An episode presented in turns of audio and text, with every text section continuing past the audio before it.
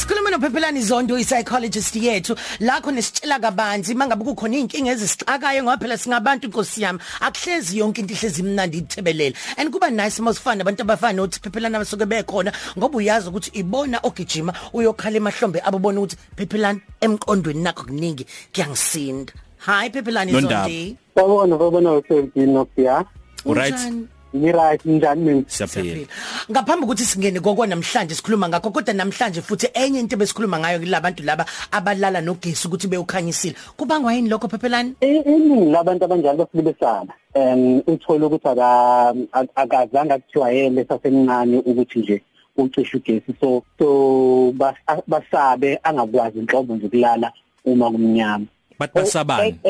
Eh, eh, eh ngiyazi leziningi izathu o- o- o- omunye nje as- a- asabe nje in general kungabi bikho ukuthi kunento ethiza isabayo kodwa asabe ngathi mhlambe uma kumnyama kukhona umuntu ozongena or khona isilwane esizongena baye abantu baye babe ne- nezinto abazakhayo engqondweni zokuthi kuyingozi kangakanani ukuba sebusuku. Na- a- omunye futhi ukhona ongakwazi a- njengoba emdala mina akakwazi ukulala yedwa ku- bedroom yakhe uze kube manje ngoba nje u- u- unokwesaba Nangi la eduze kwami.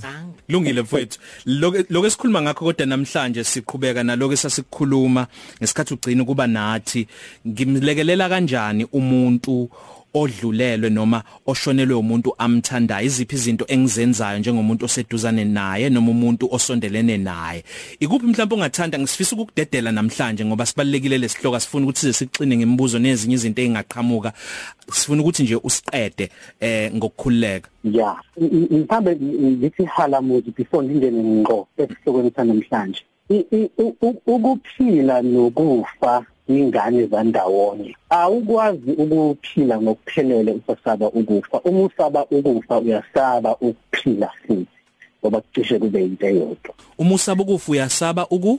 Ukuphila. Oh. Ehe uma usaba ukufa usaba ukuphila ngoba ukufa nokuphila ku- ku- ku- kuyizingane zandawonye noma kuyingxenye yo- yokuphila ukufa. Mm. Yeah.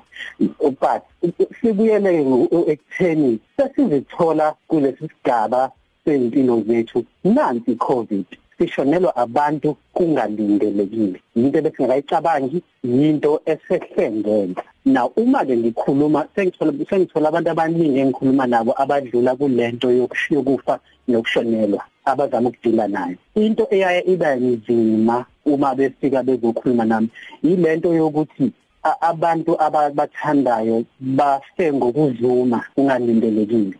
Mm so lokho akubanikezanga ithuba lo- lo- lo- lo- loku- lokulindela ukuthi bangashona because bebenezinhlelo zokuthi kusazophilwa kahle. So yileyo eyayibe nzima ukuthi bakwazi ukwemukela. O- o- okunye futhi okuyaye kube nzima u- ukuthi uma kufika ukufa ezimpilweni zethu siyaye sikupersonalize yindaba kwenzeke kumina lokho yindaba kwenzeke ngalesi sikhathi ngisibonele nje yindaba kwenzeke ngalesi sikhathi so ngisibonele njengami nje njengoba ngizama ukwakhela uma umuntu. Yindaba kwenzeke ngalesi sikhathi ngisathi ngizama ukwe- ukwakhela uma umuntu yabo? Fanele ngi- ngiyayipersonalize lento kanti mhlawumbe nje vele uweza bengakho umuzi noma angakho umuzi bekuzofika ukufa.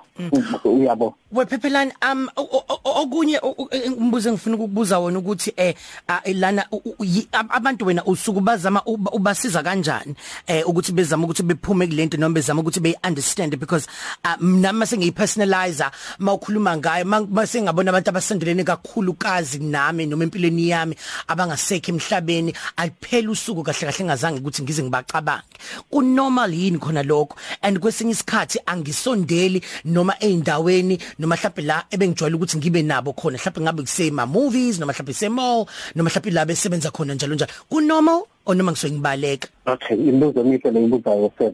Angiqale ngalona ukuqala ukuthi yini engisuke ngizama ukuyenza noma yini esisuke sizama ukuyenza kuloku kushonela I- into esisuke sizama ukuyenza ukuthi sibasuse kulesi sigaba so- sokulwa no- no- nokudinwa nokucasuka nokuba nemibuzo eminingi yokuthi yini indaba lento yenzeke or ukube ngenze ukuthi ngabe lento ayenzakalanga. Ukufika kulesi sigaba sokwemukela kwemukela ini na?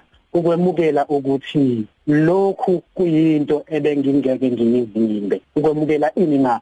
Ukwemukela ukuthi sekufanele manje impilo iqhubeke yize umuntu ebeseduzane nami engasekho kumele impilo iqhubeke engasekho ukwemukela ukuthi akasekho and sort of ube okay with ukuthi akasekho impilo kumele iqhubeke. Ukwemukela ina ukwemukela ukuthi kuzoba buhlungu ngezinye izikhathi sengibela ku question number 2 ke wakho obuzayo ukuthi kunormal yini ukuthi ngizithole futhi ngibacabanga ngibakhumbula. Yes kunormal yourself ngoba into yokulilela umuntu. Uyaye ushaya isiqaqa uyaphambili uzizwe ungcono uzizwe usukwemukele ngolunye usuku uvuke ekseni umkhumbule ngathi ushone khona namhlanje mm, ufune ukumbona. So so leso sigaba sokuya phambili uzizwe ungcono ngakusasa futhi uyakhala uzizwe kuba sengathi uqala phansi. Uya phambili emumva ishaya leso sicaca ngoba ayikho indlela ewumuqo wodwa ukuthi ukulilela umuntu oshonele kuhamba kanje. Uya phambili emuva kuyizi kuyamaduqeqi nama nomashona phansi phezulu. Ikuphi la okusuke sekuyingozi khona kumuntu oshonelwe usubona ukuthi ayike sekukubi kuyena mhlambe ngokwesikhathi nezinto azenzayo ikuphi la ubona khona ukuthi hayi sekunama flag abovu ke la? Yeah lana khona sekusena flag abovu esiya ingalesi sikhathi lana uthola ukuthi mhlambe usenemicabango yokuthi indlela yokuphuma la ukuthi nami ngihle engasaliboni ithemba lokuphila engasenaso nesizathu sokuphila. Ngoba noma ngabe ukufa okushonelwa noma ngabe ukulahlekelwa into ebalekile kuwena njengomsebenzi noma ngabe ukuba nokugula okanye icancer. Lokho kuyi kuyi loss noma kuukulahlekelwa so kuyaye kukwephuce ithemba ngekusasa noma isizathu sokuphila. So uma usuthola ukuthi umuntu engathi akasenaso isizathu sokuphila yilana khona sekudingeka ke ukuthi akasukuma ayothola usizo lwecounseling okay. noma ukwesekwa.